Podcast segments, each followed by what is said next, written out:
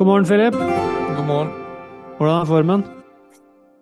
Eh, jo, takk som frågar, holder jeg på å si. Ja. Jag har vært, jeg, jag har vært lite nede for telling, lite lurig i magen. Ja. Men eh, ja, jeg skal ikke anbefale å pusse opp leilighet og få barn på samme gang i november som jeg hyllet for noen måneder, måneder sen, eller måneder siden, podder siden. Jeg vet ikke om forfatteren hadde småbarn da han skrev den. Så jeg, Småbarn jeg har med- jeg har vänt innstilling. Jeg støtter ikke november lenger. Nei, sånn er det. En runde Nei. med omgangsuke, det er alt man trenger. Ja, men eh, det går bedre. Vi står på benen nå. Vi var jo hele familien eh, som låg og knebøyde framfor toaletten, more or less. Ja. Så Jeg tenkte vi skulle starte med et eventyr i dag, jeg. Ja, det er fint. Ja. Dette er et veldig kort eventyr, altså et gammelt norsk folkeeventyr. Som Mhm. sannsynligvis da har Det ble jo skrevet ned av Asbjørnsen og Moe i sin tid, men altså disse historiene har jo gått på folkemunne i sannsynligvis århundrer. Ja, så dette kan være noe som folk kjenner igjen? Ja, kanskje ikke lenger. Nei. Altså, det var Jeg husker Jeg leste alle eventyrene til Asbjørnsen og Moe som barn. Det tror jeg ikke det er noen som gjør lenger. Vil jeg tro. Men det er jo egentlig altså, Smarte er greier. egent- altså, det er jo egentlig en visdomstradisjon, vet du. Sånn dypest sett. Det er utrolig mye innsikter i disse, disse gamle eventyrene som ble, som ble holdt levende i kulturen. Og pakket inn i historier, for at historier er Mm. mye De er jo enkle å huske. Mm. Men jeg tror ikke det var bare ment som underholdning. Altså. Nej, men det är som du sier, de skal jo gripe den som hører. Så de... Ja. Så dette er om grisen. Det er et eventyr om grisen og levemåten hans. grisen. Grisen, ja, som vi er så glad i. Så la meg lese. Det kommer til å ta fem minutter, tenker jeg. Ja. Det var en gang grisen var lei av levemåten sin, og så fikk han for seg at han skulle til tings og få dom for en annen levemåte. Han fikk friste lykken han som andre, enten det ble til det tynne eller det tykke. Hva er det du har å klage over? spurte skriveren. Å, jeg er så lei av levemåten min, far, sa grisen. Hesten får havre og kua får meldrikke, og så ligger de tørt, tørt og godt i bås og spilltau attpå. Og jeg får ikke annet enn skuler og skyllevann, om dagen vasser jeg i søle, om natten ligger jeg og ruller meg i lort og våt halm. Er det rett og rettferdighet i slikt, skriver? spurte han. Nei, det syntes skriveren det kunne være noe i, og så lette han i bøkene sine og ga ham dom for en annen levemåte. Det er ulikt at du skal ha det så mye strengere, sa han. Fra nå av skal du få hvete og erter og sove i silkeseng. Ja, grisen takket og var så glad at han visste hverken natt eller dag. Og hele hjemveien gikk han og mullet og smågryntet. Hvete og erter og ligge i silkeseng. Hvete og erter og ligge i silkeseng. Hvete og erter og ligge i silkeseng. Veien gikk mellom noen skograbber, og oppi et av holtene lå reven og lydde på. Og han skulle nå straks ut igjen med fantestrekene sine, vet du. Og så til å pipe fint og gnelt, skuler og rask og ligge i boss. Grisen brydde seg ikke om det han holdt på, og holdt på med sitt, hvete og erter og ligge i silkeseng, men det drev på, skuler og rask og ligge i boss, skuler og rask og ligge i boss, skuler og rask og ligge i boss.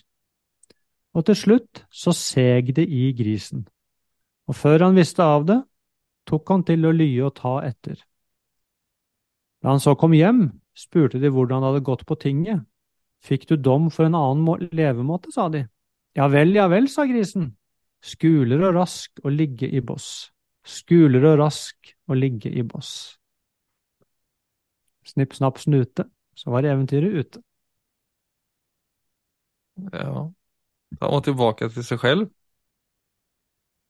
Ja, eller uh, han var i hvert fall tilbake til den gamle levemåten. Og det tok ikke lang tid.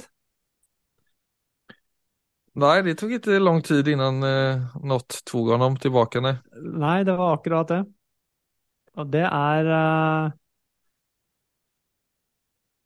Ja, jeg vet ikke om folk kjenner seg igjen, eller, men de Jeg regner med at de fleste vil kjenne seg igjen hvis de, hvis de skjønner metaforen.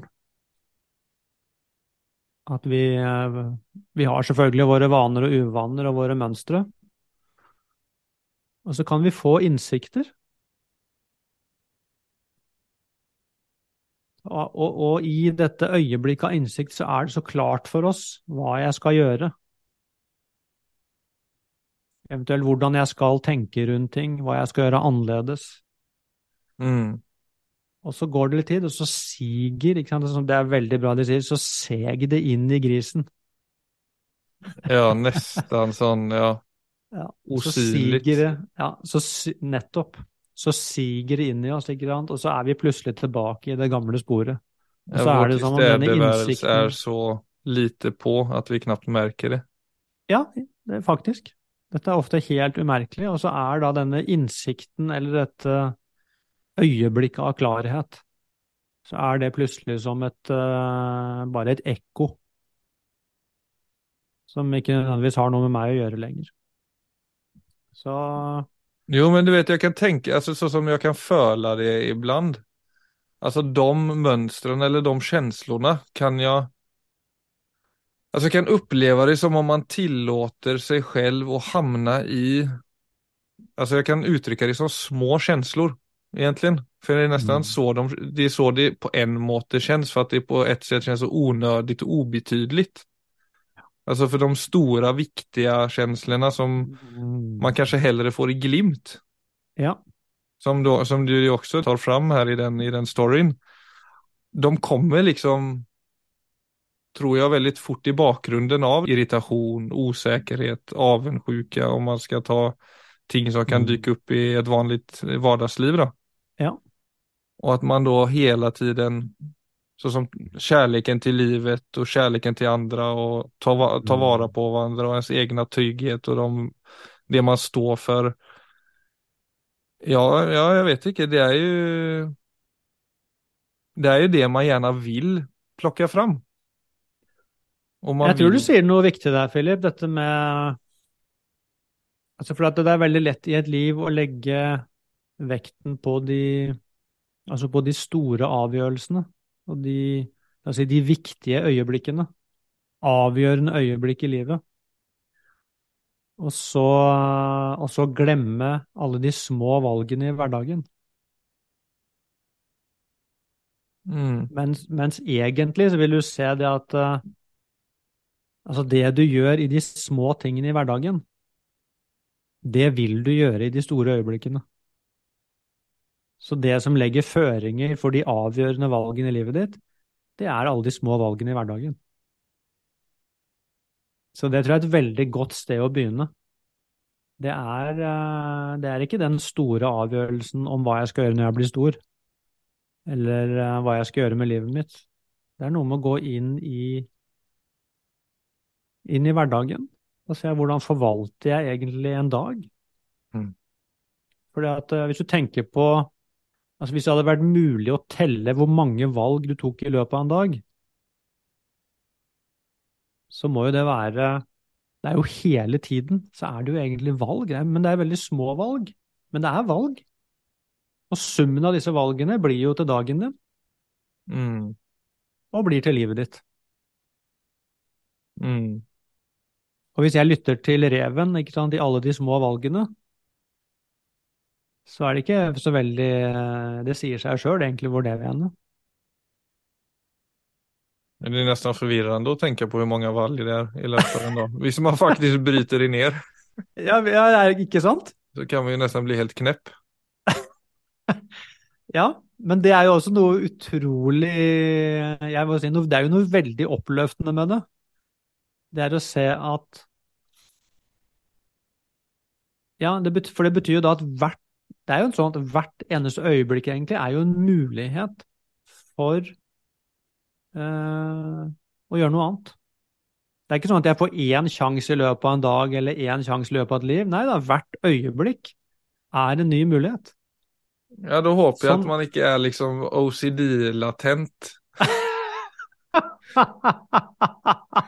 Nei, det Liksom så fort du skal liksom bare ta en handduk efter å ha dusjet, eller hur du skal sette på kranen, at alt er en mulighet å liksom gjøre på, på en ny måte. Nei, det, det vil jo være reven igjen, ikke sant? At vi Ja. blir for hangups på ting. Men det er Ja. virkelig noe med å puste, ikke sant? Puste godt inn. Og kanskje puste godt ut også, for den saks skyld. Ja, og visse ting får jo skje av seg selv, så klart. Ja, selvfølgelig. Det er ikke det, det er ikke det. Selvfølgelig ikke. Men det er bare denne muligheten for ja. For det, jeg, tror, jeg tror de fleste av oss opplever sånn at det er nesten som om livet blir kastet på oss utenfra. Mm. Og så må jeg bare på en eller annen måte forholde meg til det. Men det å få øye på altså mine egne valgmuligheter, da, Mm. til å Jeg tenker sånn, Hvis du ser på deg at en dag er noe du skal forvalte, det er ikke noe bare som skjer med deg. Det er ikke sånn at jeg bare er sant? Jeg sitter her som en passiv uh, sekk med poteter og venter på at dagen skal skje. Ja, eller at uken skal bli ferdig med. I verste Ja, I verste fall at den skal bli ferdig, eller at det skal skje noe stort, sånn at jeg også endelig kan uh, få det litt bedre. Mm. Så det er klart, da har jeg tatt bort kanskje det Altså den grunnleggende muligheten da, som ligger i det å være menneske. Jo, men det tror jeg så. At alle kan nå se på seg selv gjennom en dag og tenke, ok, om dette, om man vel bare begynner, for det er det. Altså at dette valet jeg tar nå, kommer det generere ro, eller kommer det generere stress? Ja, det er et godt sted å begynne. Og da kan man jo kanskje fort se at det er ganske mange valg man tar i løpet av en dag som genererer onødig stress. Det Ja. jo ikke at man ikke har ansvar og ikke har gjøremål som må gjøres. Nei, absolutt ikke. Men eh, som vi pratet litt innledningsvis her, så er det jo det der med å liksom om du tar en kopp kaffe eller du tar en paus eller du går i en gang i, på, gjennom ditt arbeid fra A til B så er vi veldig ofte i B allerede når vi er på A. Nettopp. Och det vil jo fort generere stress om vi ikke klarer av å gi oss de utrymmene som egentlig er en sånn slags Ok, nå gjør jeg dette, jeg skal kanskje til et annet sted, men så lenge jeg gjør dette, så er jeg her. Ja. Med mine sanser. Vet du hva, en fyr jeg snakka med for det er mange år siden, men han eh, Han kom til meg og så sa han eh, Det er som om jeg alltid skulle gjort noe annet enn det jeg gjør. Ja, men det där- er, jo så spot on.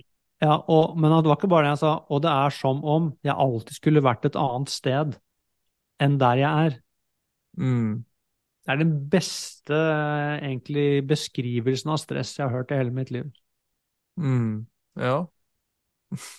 Og, og det fine med det, da, ikke sant, er at hvis man opplever det sånn, så ser det, det dette kan faktisk skifte i meg. Så hvis jeg opplever at det er sånn, hva kan Mm. jeg gjøre med det? Jo, jeg kan jo bringe oppmerksomheten min dit hvor jeg faktisk er. Ja, så bare den enkle tingen. At jeg henter meg tilbake der hvor jeg faktisk er. Så jeg, når jeg holder kurs, så gir jeg ofte en sånn uh, Prøver å forenkle ting og snakker om For det er jo ofte da disse mindfulness-øvelsene altså rundt altså pust og kroppsskanning og sånne ting. Men hvis du skal ta med deg én mindfulness-øvelse inn i hverdagen, så er det egentlig bare å huske på dette. Med hvilket tempo gjør jeg det jeg gjør? Mm. Hvis du bare går rundt med den, altså én dag, og sier ok, det er det eneste jeg nå skal minne meg på gjennom dagen, som et eksperiment, bare én dag. Mm. Nå skal jeg gjøre ting i et godt tempo. Og det betyr ikke sakte, det betyr bare i et naturlig tempo. Så når jeg Ja, går fra A til B. Mm. Hva? Ja, nei, men det, det er jo liksom å gjøre det i et, i et naturlig tempo. Det kan jo muliggjøre det å faktisk bryte den sirkelen litt. Ja, jeg tror ikke bare litt, altså da tror jeg du vil faktisk bryte den fullstendig. For da vil du kjenne at du, at du er akkurat der hvor du skal være. For det er den følelsen du får når du gjør ting i et riktig tempo.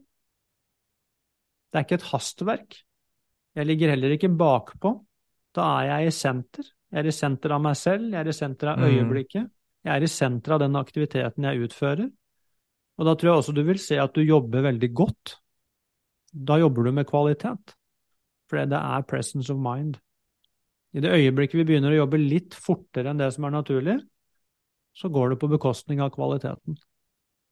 Ja, jag tror också det å hente seg tilbake, som du nämnde først, i et naturlig tempo er lika viktig. At, at, at du, när du, om du får en distraktion eller om du merker at du blir liksom borta fra der du ønsker å være, mm. Så det tar deg tilbake kjempefort og liksom prøve och liksom nå skal jeg være så veldig fokusert på dette og holde det så langt borte som mulig som jeg ikke vil ha en del av. da blir det også veldig fort liksom en strid og veldig sånn Absolutt. lite mjukt. Jag Ja. märkte det nu faktiskt för jag hade dumt nog har vi en, eh, jag håller på med det här uppussningsprojektet och så har jag typiskt nog min telefon vid sidan av mig som ikke var planlagt och som ikke är hänsiktsmässig när man har en podcast om mindfulness heller. Men så kom det en, en melding från han snickaren, det är en ting vi må lösa i lägenheten som är lite problematiskt. Och som har skapat lite irriterad stämning mellan oss. Och så fick jag en melding om det och så såg jag på det nu. Och så kände jag direkt hur hela systemet värmdes upp. Ja. Av det och hur egentligen stressen tog mig. Ja, väldigt bra. Och så såg jag på klockan här, hur lång tid har vi kvar att podda och jag må liksom hålla mig, jag vill ju vara här i detta, i det vi gör. Men den där lilla impulsen, hur den liksom då förändrade hela upplägget och det jag försöker nu hämta mig tillbaka och icke fokusera på det och det liksom, det går ju det. Ja, men, Men- det er et veldig godt eksempel på hvordan, uh, altså hvordan dagen er for veldig mange. altså Sånn hele tiden, egentlig. Det kommer inn impulser og informasjon fra alle bauger og kanter som man, som man må forholde seg til. Mm. Så det er på en måte som vi har Det er jo ikke én rev som hvisker i skogholtet, ikke sant? Det er jo hundre som hvisker hele tiden.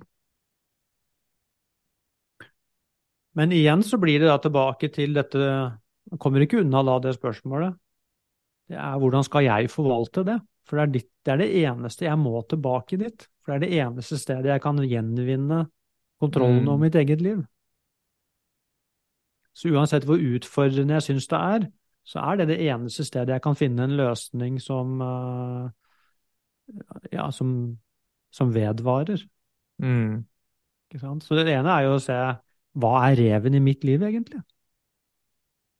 Og i hvert fall da skru av alle de revene som jeg, som jeg har kontroll på. Og det er sannsynligvis ganske mange. Mm. Alle de digitale revene, for eksempel. Mm. Så, så det er jo et godt eksempel, for det var jo veldig bra at du delte det. Altså dette med å, å ha telefonen tilgjengelig hele tiden når jeg skal gjøre et konsentrert arbeid, det er jo en av de tingene man kan slutte med, for eksempel. For det er akkurat sånn som du beskrev der, det er jo et glimrende eksempel. Det er én impuls som kommer inn, og så er jeg plutselig blitt fragmentert. Ja, og det er veldig jeg, jeg, tror det er veldig fint det du sier, det där med å ha en Finne et liksom i alt det da forsøke å finne et naturlig tempo. Både Ja. det å en væremåte, men også det å hente seg tilbake. Absolutt. Jeg tenker på Altså, det er klart du Vi to lever jo i totalt forskjellige situasjoner. Altså, det er mye lettere Det er mye lettere når man er alene. Eller i hvert fall med en annen voksenperson i huset. Men det er klart også med Altså til og med med barn så er det noe med å se Hvis du bare tar fra du våkner om morgenen til du går ut av huset på morgenen, om det er en halvtime eller en time eller halvannen time eller hva det er for noe, så er det noe med å se hvordan, hvordan er tempo på den første delen av dagen min? Mm. Hvordan står jeg opp? Når jeg går i dusjen, hvis du gjør det, ikke sant? Dusjer jeg bare for å bli ferdig med det? Eller er jeg faktisk Kjenner jeg den sanselige opplevelsen av å dusje?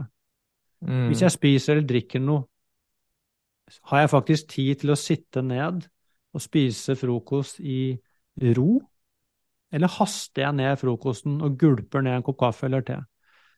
Bare de enkle tingene der, så vil du se at alltid er jo valg. Vi tenker ofte ikke på det som valg.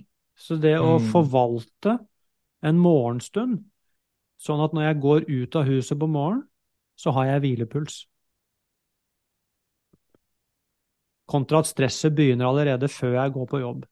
Sånn, Som, som jeg vet det gjør for veldig mange mennesker. Men det er jo i stor grad på grunn av mange små uvaner Ja. som vi bare ikke tenker på. Så det er klart, for det øyeblikket jeg går ut av huset med hvilepuls, så kommer det et annet menneske inn på kontoret enn et som har begynt å stresse fra, fra man våkner om morgenen. For eksempel. Jo, men det skal ikke heller, For jeg tror, jeg tror i, i samband med det så er det viktig å ikke tenke eller gå i den fellen om den klisjeen at du skal liksom nyte av varje ting du gjør. Altså som när du, om du har småbarn og och du går opp på morgenen og du skal, du skal våkne, dusje, spise mat, Mm. kle på barnen komme deg ut dörren. Så er det några ting som skal gjøres. Og så er det jo klart at om du gjør det på den måten så vil du bevare en større sinnsro, både i kroppen og i sinnet. Yep. Men det betyr jo ikke at du liksom sitter i den dusjen og liksom njuter for fulla mugger, bare for at du Absolutt. velger det det være til stede. Absolutt. Men jeg tror, jeg tror, for- jeg, jeg tror fort det, og spesielt i mindfulness-världen så har, tror jeg det utåt sett ofte har fått den bilden at så fort du vender oppmerksomheten mot det du gör så skal det liksom være en sånn Direkte så skal det være en njutbar ting. Eller Ja. det å være i nuet skal være en njutbar ting Og det vil jo være når man praktiserer den måten å være i verden på for at ro fort kan generere en følelse av tilfredsstillelse. Men det merker jeg jo sånn som når man står opp på morgenen, at det, det vil jo, som du sier, være mye mer behagelig når man klarer av å være i de aktivitetene man gjør, til en større grad. Även fast det är en morgon som är full av eh, egentligen kaos til tider. Absolutt, ja. Altså, det, er, det er altså, det er mulig å gjøre ting uh, uten å lage stress ut av det. Så hvis man kan ta altså nytelse eller ikke nytelse, så er det sånn Altså selvfølgelig så har man det bedre hvis man har sinnsro. Så det er jo goes without saying, men altså dette er jo, dette er jo mye, mye mer alvorlig enn at man skal liksom finne disse øyeblikkene av nytelse. Dette handler faktisk om Dette handler om livene våre. Det er jo virkelig altså sånn i dypeste alvor. Og det å se det at hvordan bruker jeg sinnet mitt? Mm.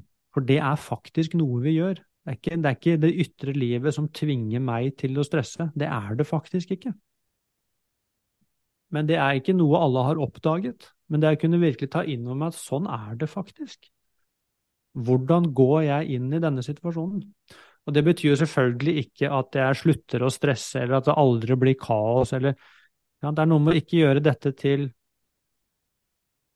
Ikke gjør det vi snakker om her til en prestasjon, eller til noe jeg skal få til. Men det er noe med å kunne gå inn og reflektere over det. Mm. For at her ligger det en, eh, på en måte, merkelig nok egentlig, en slags hemmelighet. Ja, for jeg tenker også det, det er noe også i hvile, hvile i det, i det å bare vite at det er en god eller bedre måte å leve på og det som skjer, det får bare skje Sant? Men jeg trenger ikke bli, jeg trenger ikke bli revet inn i alt som skjer. Det er, eh, det er den nye levemåten, egentlig. Da har du kommet til tingretten og fått beskjed ja, men du, fint, du kan leve sånn. Ja. Og så har vi ikke før kommet ut, så begynner reven å snakke inn i øret vårt.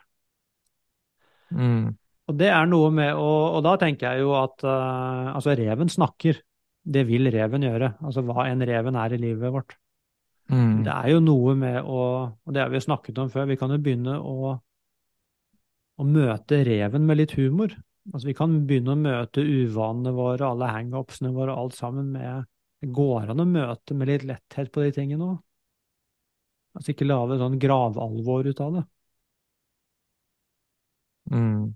Altså igjen er det noe med å puste litt og si ok, herregud, altså det er jo bare whatever. og så gå tilbake til det. Men det er jo jeg som velger, til syvende og sist. I ro og fred, det er jo jeg som velger. Altså, hvordan skal jeg gjøre dette, egentlig? Går det i valget mot ro, eller går det mot stress? De er, Ja, tilbake til meg selv. Altså sånn, og dette er jo selvfølgelig Dette slutter jo aldri. Men det er jo noe med å Noen tenker når de hører om man snakker om til stede, tenker herregud, så slitsomt, liksom. Altså. Men det er jo tvert. Altså, det er jo bare en, en måte å være i verden på. Det er å være i verden med en våkenhet. At jeg har en god dialog med meg selv i ro og fred. Det er jo helt nedpå. Forferdelig enkelt. Tar Ja, så er det, ja. Tar ikke noe energi, egentlig. Nei, og så er det noe med at det kan jo være slitsomt når det blir en kamp. Så jeg kan fatte liksom at, den, at når man kan høre det, om man er ovan ved å høre om två personer sitter og snakker om de termene, men samtidig så er det återigen det der du sier at om du bare bakker bladet litt og gjør ting, tar lite längre, några lite längre pust, gör ting i lite långsammare tempo än det man kanske alltid gör så vill det lossna lite, det vill vara lite lättare att vara tills det är det, man gör. Ja. Men så fort man har liksom en ganska hyppig pust så går man nog in mot att det føles väldigt slitsamt att vara till stede. Ja. Det er, og det er selvfølgelig Det er jo også viktig å huske på at det er Då er det jo lettere å ja, se på Netflix liksom.